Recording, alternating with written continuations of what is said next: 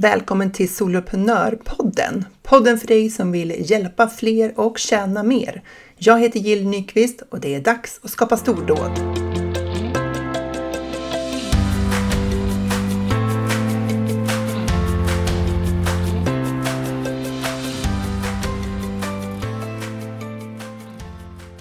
Vad skulle du säga om en ny intäktsström på kanske ett helt annat sätt än vad du har tänkt på tidigare att du skulle kunna ha i ditt företag. Eh, vi fortsätter ju med det här med affärsmodeller och det här är del två i min miniserie och jag intervjuar Christian Öberg om det här med att ge ut en bok med hjälp av spökskrivare på Amazon. Väldigt spännande idé tycker jag. Den här veckan så har jag eh, haft en workshop i Soloprenörerna som handlar om hur man behåller sina medlemmar länge. Det viktigaste nyckeltalet vi har som jobbar med medlemstjänster. Retention, eller behållningsgrad som jag nu helt fräckt har bytt, döpt det på svenska.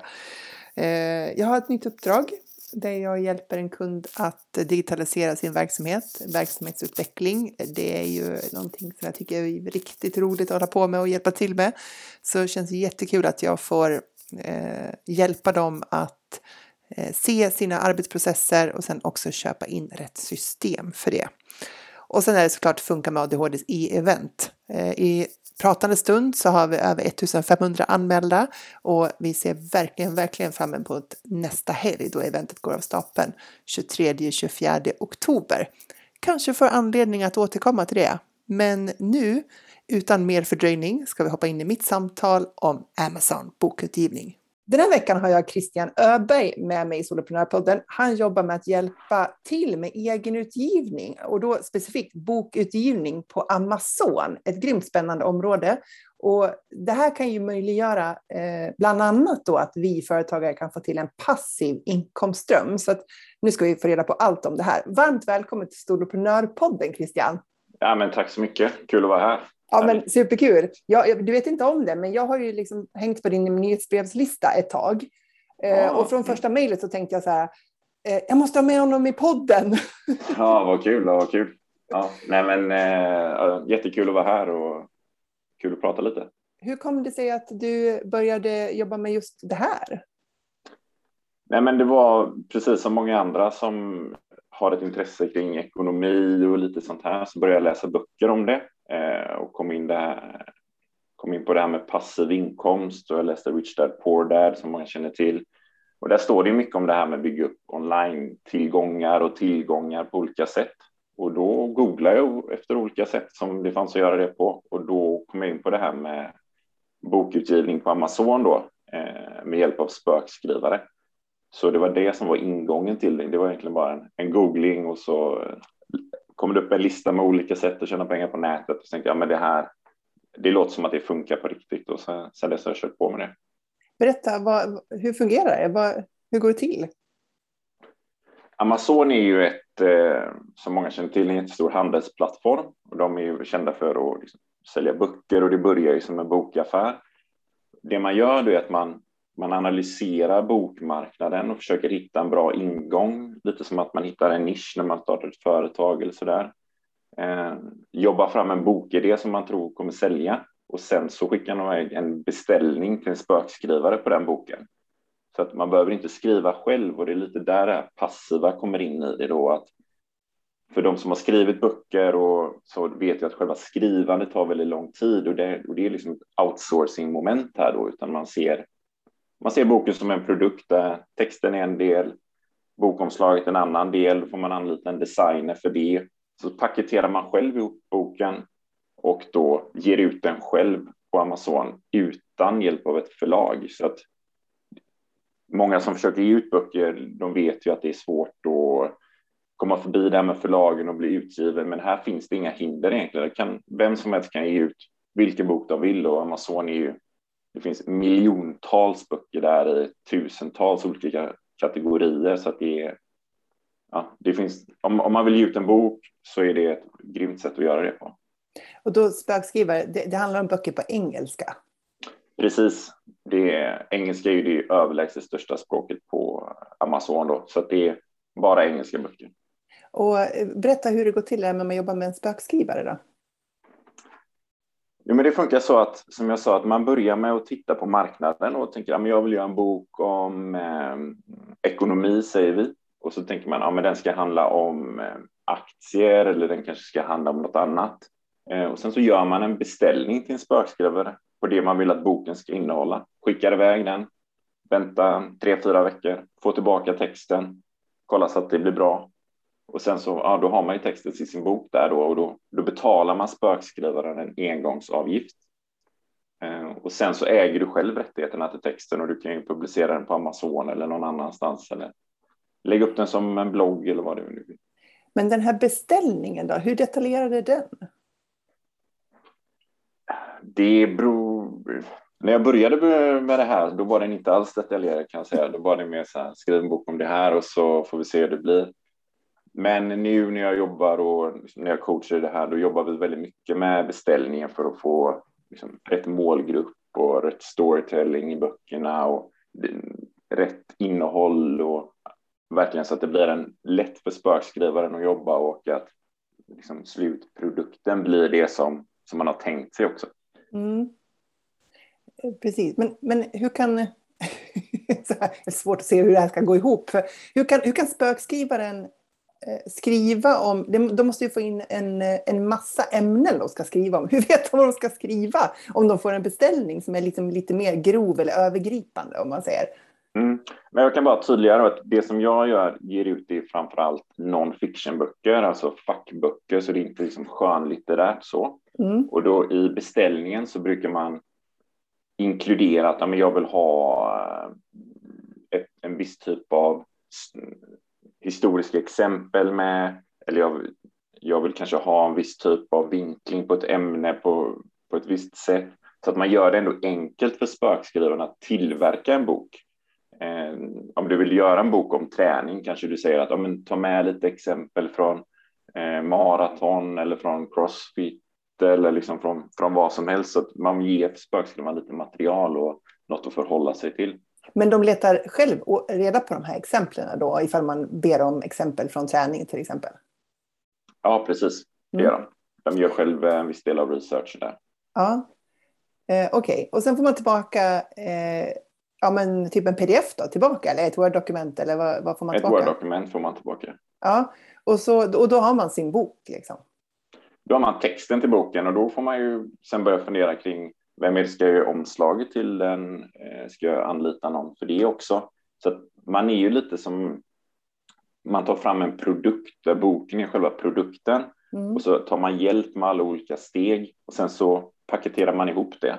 Texten, omslaget och den eh, en bokbeskrivning och lite andra delar som kommer till det här då så publicerar man det på Amazon och då, eh, då kan du få din egen bok jämte om vi tar Rich Dad Poor Dad som ett ekonomiexempel, mm. då du kan få din egen bok jämte den boken så att du, du säljs ju på samma, samma plattform då. Ja, ja det, är, det är coolt.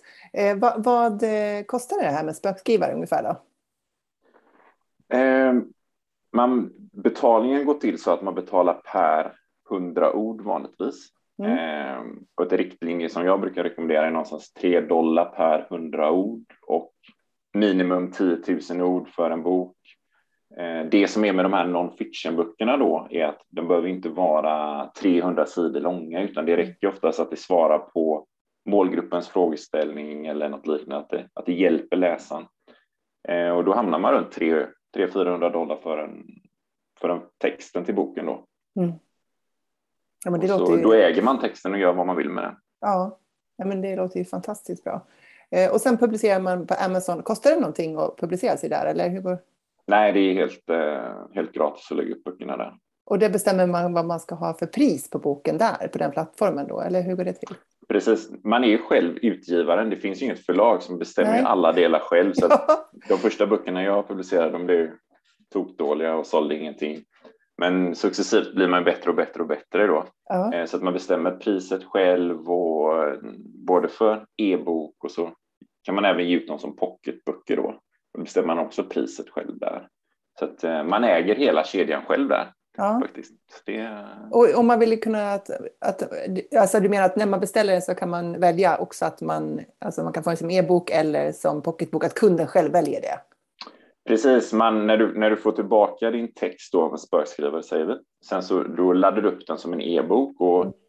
i Sverige är inte e-böcker så utbrett som det är i USA. I USA så är det ju eh, Kindle och Kindle-plattan är väldigt stort, en läsplatta som är direkt kopplad till Amazons e-boksshop.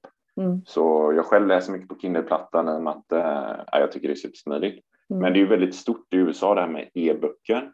Och sen så har du pocketböckerna då, så att du laddar upp texten eller filen som en pocketbok också. Och då funkar det så att när en kund på Amazon köper boken så skriver Amazon ut den mm. och skickar den till kunden.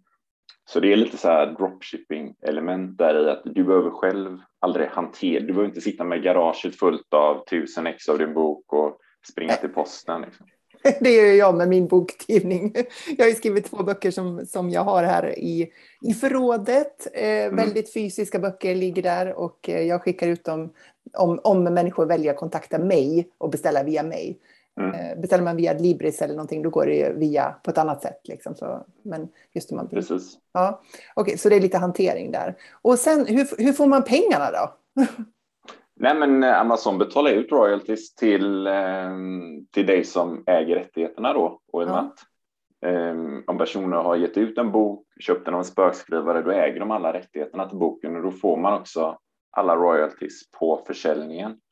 Så att, då funkar det så att de bara betalar ut till det bankkontot. Om du är ett företag så sätter du in ditt företagskonto och så får du in pengarna mm. en gång i månaden.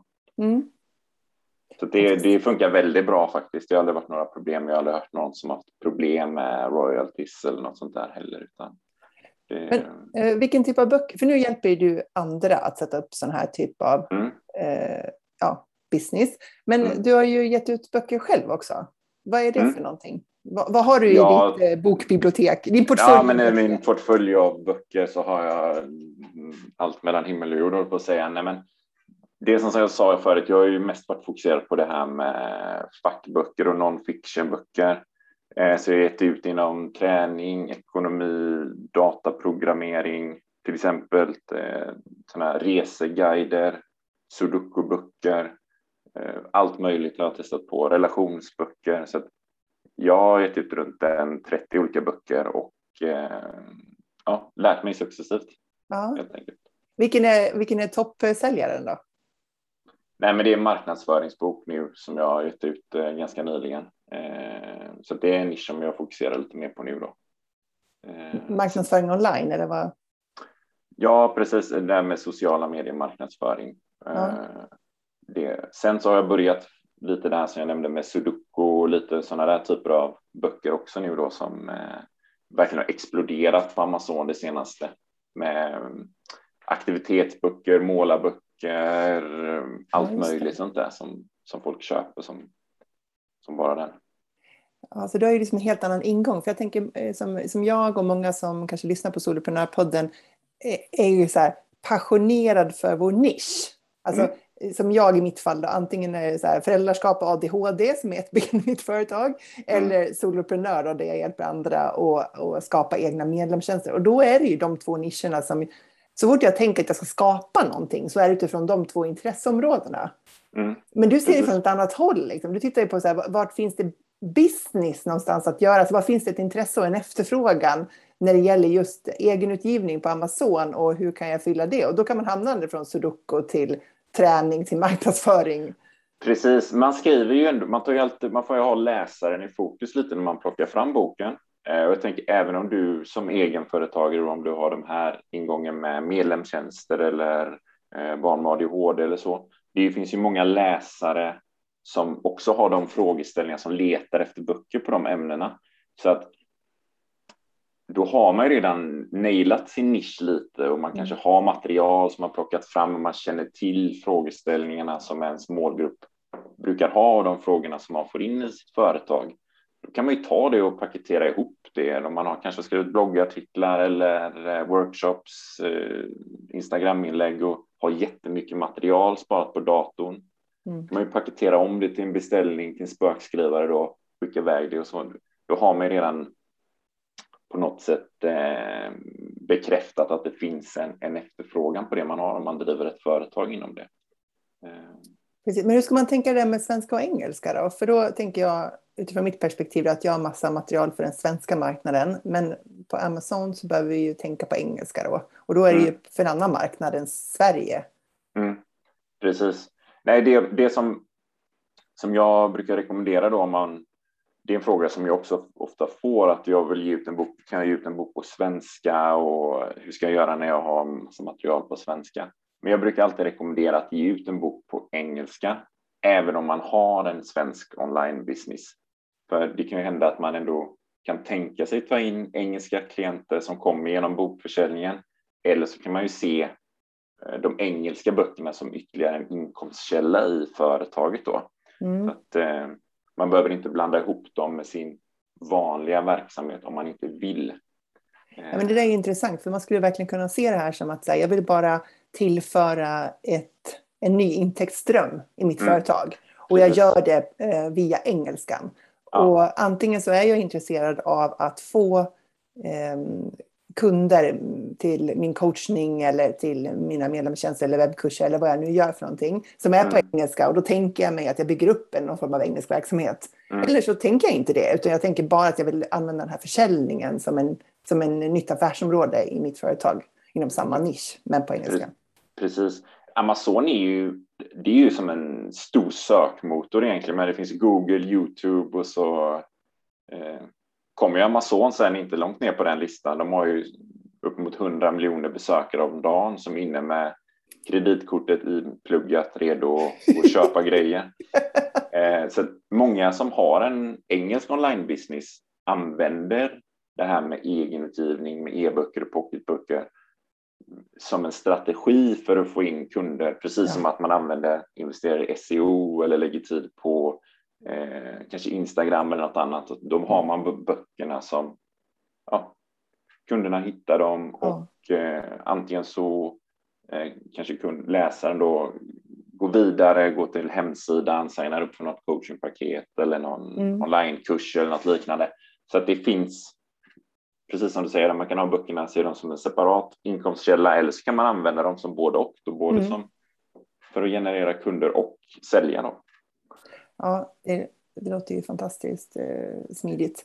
Eh, och jag tänker eh, att man skulle ju också, om man vill vara lite crazy, eh, kunna göra som du, att man ser det här som en helt separat del och det har inte någonting med den nischen man jobbar i utan eh, vi säger jag som är hundintresserad och håller på med mm. hundträning.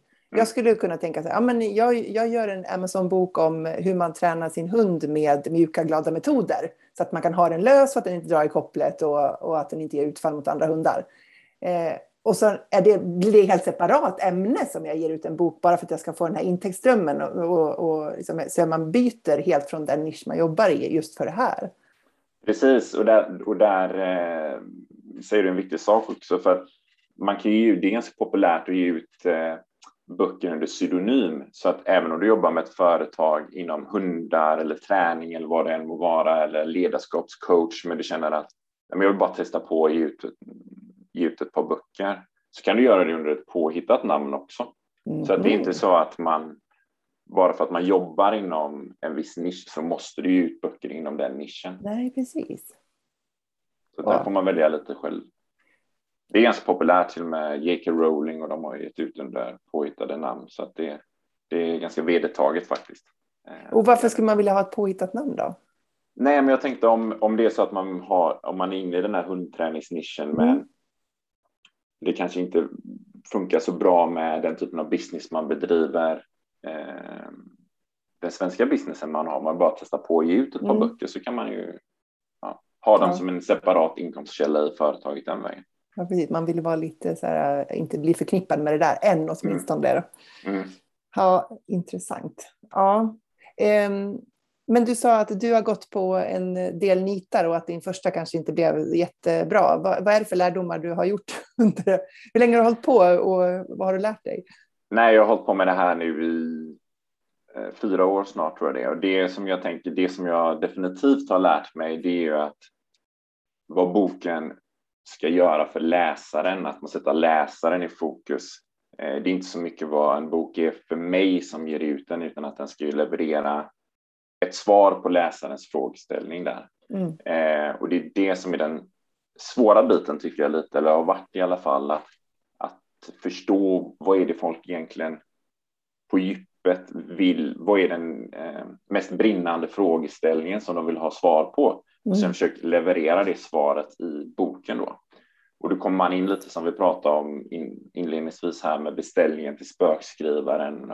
Eh, att man vet vad målgruppen vill ha och att man då levererar det i bokform. Där missade jag i början. Då var det mer, ja men det här tycker jag är bra. Eh, men det är inte säkert att, ja, och det var uppenbart bokmarknaden tyckte inte det var riktigt lika hett.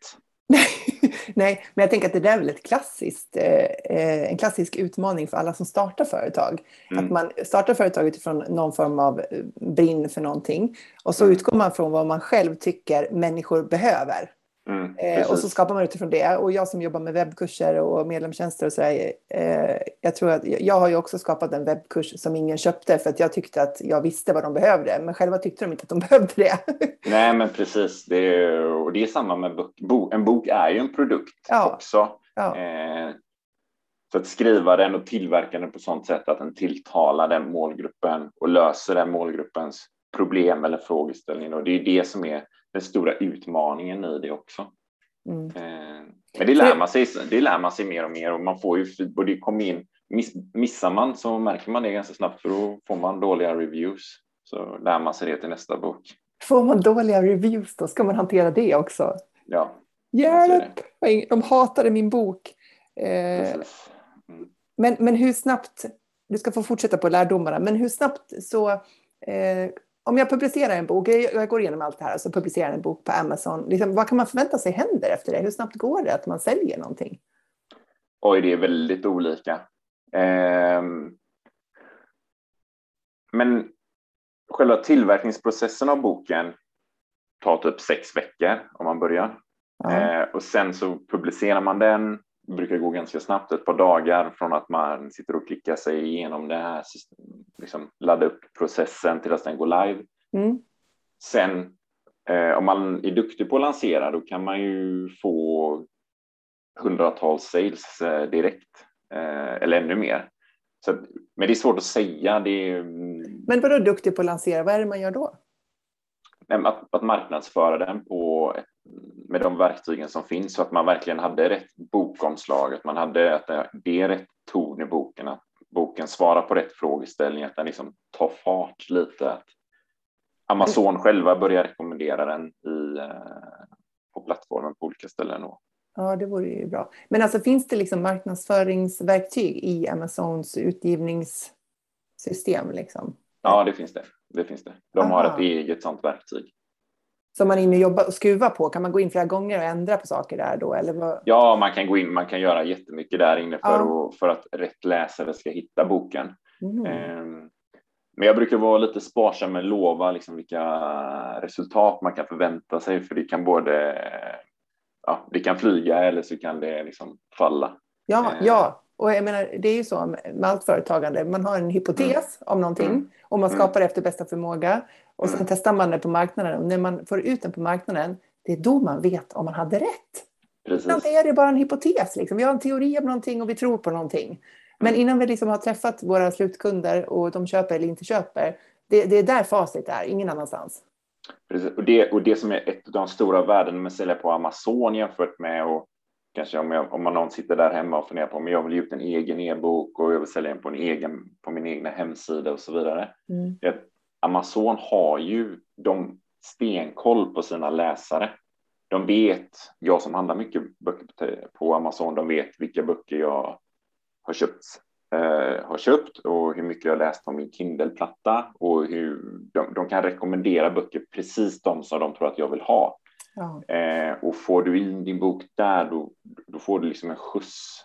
Mm. Då hjälper de till dig och då hjälper det då att ja, men, här är Jill, hon är intresserad av den här typen av böcker och mm. här är någon annan intresserad av den. Så då kan man få hjälp att sälja den den vägen. det tänker jag är jättevärdefullt för att eh, jag, min erfarenhet, jag har ju också en av mina pappersböcker som e-bok.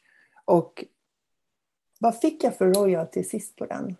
Var det en typ en 28 spänn eller någonting? Mm. Ja, men precis. Det är ändå... Det- ja. Inga Det är pengar alls! espresso. Ja.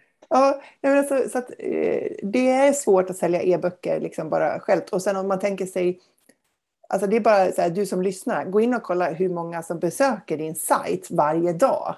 Mm. Det är oftast har vi ju ganska låg trafik. Om man inte är superduktig på att eh, antingen sökmotortrafik eller att man annonserar mot sin sida och så, här, så har vi ju inte 100 miljoner besökare på våra sidor. Nej, liksom. Så, verkligen att, så att vi, har, vi är inte i ett flöde där det kan generera så mycket. Liksom, som, så att jag förstår ju att det finns en jättepoäng på Amazon som blir som en sökmotor och att man drar nytta av hela den kraften som finns i det.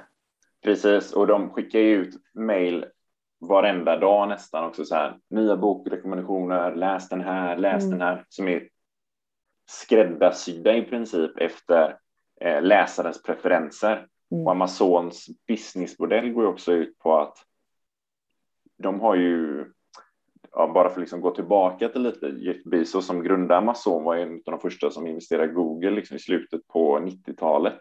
Så att Amazon har många liknande parametrar som Google har, är att de vill ha tillit till kunderna så att de är mer intresserade av att rekommendera böcker som folk läser och forts- att de fortsätter komma tillbaka och handla där jämfört med att rekommendera en bok som eh, ja, bara för att de skulle tjäna mest pengar på den på kortast tid. Mm. Så att de vill verkligen att läsarna ska lita på de här rekommendationerna som Amazon själva ger och det är där som jättemycket av värdet på Amazon ligger och att får man en skjuts där Mm. Då, då kan det gå riktigt, eh, riktigt bra.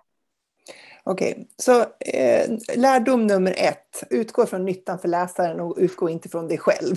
Ja, men precis. Gör marknadsresearch. Det, det är viktigt. Ja, och driver man redan företag och har betalande kunder, då har man förmodligen nailat det där redan för att man eh, har redan eh, kommit på vad det är i min kompetens som kan hjälpa någon annan och hur jag ska prata om det för att de ska förstå det. Så jag tänker att är man intresserad av att göra en sån här bok utifrån den nisch man redan säljer saker i, så Mm. har man rimligen liksom fått till det där eh, hyfsat. Precis. Då vet man ju vad kunderna efterfrågar och Mm. liksom vilka eh, frågeställningar de brukar ha, vilket problem de har och var- vart de vill komma någonstans. Mm. Eh, har du någon mer lärdom? Jag kan tänka mig, en lärdom är att det tar lite tid och man, det är en process att publicera böcker. Eh, det brukar ta några böcker innan man kommer in i det. Man förstår, aha, men det är så här jag ska göra ett bokomslag och inte så. Eh, det är så här jag ska skriva en bokbeskrivning och inte på det sättet. Så det är många olika pusselbitar man behöver för att, för att eh, böckerna ska ta fart och det brukar ta ett par böcker. Som, precis som allt annat så är det ju en process. Mm. Och vara ärlig mot den feedbacken man får. Publicerar man en bok och den inte säljer, ja, då, ja, det är också respons. Mm. Eh, så man funderar lite på, okej, varför gjorde den inte det? Och så, sen så kan man ju alltid, det här med Amazons tjänst då, att du kan alltid ladda upp ett nytt omslag eller ändra saker, ny fil. Så Ja, det är inte så- kört, liksom. det är inte hugget i sten bara för att man trycker på publish. Du kan utveckla boken hela tiden. Ja, man kan det. För det kan man ju inte när man har tryckt upp tusen ex som man har i garaget. Nej, det är lite svårare. Ja, okej, så lite process, det tar lite tid och eh, Mm. man får vara beredd att ta emot den feedback man får. Eh, och söka det... svaret på de frågeställningarna som, som kommer upp om man stöter på någonting. Att, ja, men shit, hur ska jag skriva en bra description? Och då är det, ja, då får man ju ta reda på det och eh, ja, hela tiden eh, eh, söka svar på de frågeställningar som kommer upp. Mm. Ja, precis. Jobba vidare med sin, med Mm. sin bokprodukt. Mm. Har du en till lärdom? Ja, men jag satt och funderade på det här med långsiktigheten. Det som är med böcker är också att boken, framförallt sådana här fackböcker då, att det är inte en, eh, det är inte en sån här sällanköpsprodukt så att man kan ha lite tålamod i den processen där det betyder att en läsare som är intresserad av träning, så de kan köpa 20 olika träningsböcker.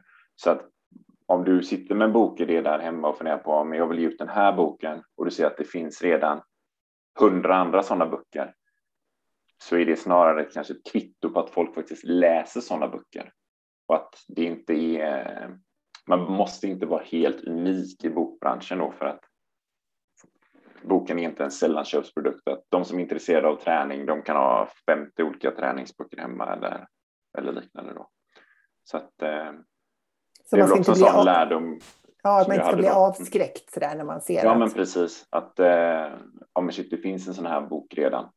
Ja, det kanske inte är ett jättestort bekymmer inledningsvis i alla fall. Mm. Intressant, för det, det, är bra att du säger det, för att det, det är någonting som vi ofta bekymrar oss för. Och så tänker vi på något vis att det är bättre att vara ensam på marknaden.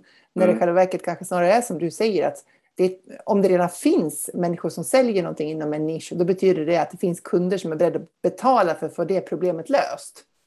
Precis, i alla fall när det gäller böcker så är det sant, för där är det här, även om man vill ha en liten unik vinkling på sin bok, eh, men det är ju just att läsarna som läser inom en viss nisch eller är intresserade av eh, träning eller företagande eller ledarskap, de köper ju kontinuerligt olika böcker inom den nischen så att mm. det finns så att bara för att det finns en eller två eller tre böcker som liknar den så gör inte det så mycket faktiskt. Nej, alltså, jag tänker, jag har ju jobbat som chef i många år tidigare innan jag startade företag och jag vet inte hur många ledarskapsböcker jag har köpt. Mm.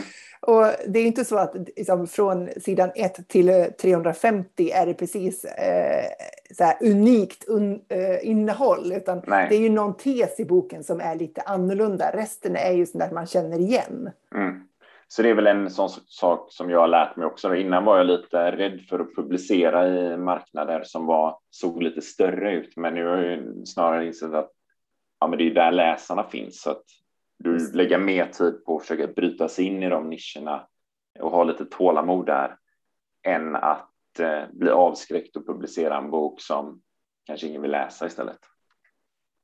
Just det. Eh, bra. Eh, intressanta lärdomar. Ehm, om man skulle anlita en sån här spökskrivare, vart vänder man sig då? Har du någon favorit eh, spökskrivarfirma? Ja, nej men det har jag. Jag har skrivit ett eh, inlägg faktiskt på min blogg om det. Ja. Där jag, där jag eh, rekommenderar ett företag som jag själv brukar använda då, och använder även i eh, de som jag hjälper. Eh, och de har alltid varit nöjd med, de heter The Writing Summit. Heter de. TheWritingSummit.com ja. eller? Ja, precis. De brukar jag rekommendera. Och, och det brukar vara bättre kvalitet än vad man kan förvänta sig faktiskt. Om man mm. använder, så då kan man välja olika paket. Man kan välja jag vill att en eh, engelskspråkig skribent ska skriva min eller jag vill att och det kostar lite mer eller så kan man välja att det är en eh, ja, någon från något annat land men som ändå är duktig på engelska skriver och så mm. olika olika. Då. Så det beror på vilken budget man har där också. Och vilket paket brukar du välja då? Nej, jag tar alltid det bästa paketet för att inte tumma på kvaliteten. Och det är det som kostar eh, runt 300, för, 300 dollar för att få en bok på 10 000 ord. Men det innebär ju att om man, om man eh, ja, så man, beställer för, man säger hur många ord man vill ha i beställningen. Mm. Så då vet Precis. man också exakt vad det kommer att kosta. Ja, du betalar ju upfront. Eh, så att, eh, och det är det enda du betalar. Sen får du tillbaka texten och gör vad du vill med den. Så ja. du kan skriva in jag vill ha en bok på 10 000 ord. Sen kan man utveckla den då man är lite osäker på vad marknaden har här. Så kanske man får reviews på boken. Så du kan, ja, men jag gillade kapitel 3 men kan det utveckla lite där? Och då vet man det. Kan man gå tillbaka till spökskrivaren så kan de fylla på med innehåll där. Mm. Och det är en helt liksom, eh, vad ska man säga, digital process. Eh, det är inte så att man har möte med någon och träffar någon, utan man bara skickar i innehåll eller skickar beställningen och får tillbaka. Eller... Exakt, det är ju, där är skillnaden lite om man jobbar med, för det finns ju de som anlitar frilansare, då har man ju mer insyn i den här processen men när de tar fram texten. Men när man använder ett skribentföretag som jag kallar det då, då får man får du texten, du skickar en beställning, sen får du leveransen. Sen har du liksom ett par, jag tror det är två veckor efteråt och lämna feedback och be om eh, ändringar och sånt. Man har inte möten under textframställningen. Nej, precis. Men man kan lämna lite synpunkter och få det korrigerat ja, för, för priset. Liksom. Ja, absolut. Mm. Och det har hänt att någon gång när jag varit missnöjd så har jag sagt att det får ni skriva om och jag fått tillbaka pengarna. Eller så. Mm. så att det är inte det är ändå seriöst. Ja, absolut. Men det känns jätteskönt att ha en rekommendation som du, som du har personligen använt också. Mm. Eh, och, så det innebär ju då, om man tänker på tidsaspekterna här, nu är det typ vecka 38. Mm. Så skulle man sätta igång nu på störten, då skulle man kunna ha en bok liksom till jul typ. Ja, det skulle man absolut kunna ha. Få med julförsäljningen när den tar fart där och, och så, absolut. Jag känner mig supertaggad på att skapa en bok. Det ligger inte i min utvecklingsplan att dra igång detta nu, men det låter ju väldigt roligt. Eh, mm. Men du hjälper, ju, du hjälper ju till med det här. Berätta, vad är det, hur hjälper du oss som skulle vilja eh, göra det här? Det är genom eh, one-on-one coaching som jag erbjuder då. Att få hjälp att antingen ta fram en bok eller att bygga upp en hel portfölj med böcker och göra en hel business av det. Så det är två olika sådana coachingpaket som jag säljer. Då. En bok eller en portfölj av böcker? Precis. Mm. Och, och då är det, så du har, ingen, du har ingen webbkurs eller någonting? Nej, inte nu, i nuläget har jag ingen webbkurs, men det kommer nog komma längre fram. Eh, det låter som en medlemstjänst tycker jag. Ja, kanske det, kanske det, kanske det. Vem vet? Jag har funderat på det faktiskt. Jag tänker just det, eh. för att vi brukar säga just med medlemstjänster att när man har ett så pågående behov och ska mm. man göra en sån här äh, bokportfölj, mm. då har man ju verkligen pågående behov av liksom coachning och frågor och liksom att testa olika idéer och vissa går bra, vissa går mindre bra och, och så där. Det känns som, det känns som en medlemstjänstidé. Precis, jag, efter att jag hittade din eh, podd har jag lyssnat lite på det där och funderat lite på medlemstjänst, men eh, det lutar åt eh, att göra en webbkurs sen eh, och fått in lite mer feedback från coachingklienter och annat och eh, verkligen ha koll på vilka frågeställningar som dyker upp. Och, mm. Det, det, är faktiskt en bra väg att gå, just att man börjar jobba med en och en för att just få koll på det där. Alltså, vad är det man frågar om? Vad är det som är svårt? Och, så man kan ta både sina egna erfarenheter men också kundernas erfarenheter av det här. Mm. Eh, och, och paketera det sen till en mer online-tjänst. Oavsett om det är en webbkurs eller medlemstjänst så har du ju väldigt bra koll på vad behovet och problemen är. Exakt. Mm. Det är lite det som är tanken. Ja, men det låter ju väldigt klokt. Eh, spännande, hörru. Eh, är det någonting annat som du vill skicka med de som funderar på det här och blir lite inspirerade nu? Eh, hur de ska komma igång eller vad de ska tänka på eller någonting sånt? Ja, men testa på det. Det är väl medskicket. Det är många som drömmer om att ge ut en bok och här man behöver inte skriva allting själv och det är helt okej okay att inte skriva allting själv. Amazon är en gigantiskt stor marknad. Så är man sugen, testa på det. Det behöver inte vara en lång bok. Det kan vara.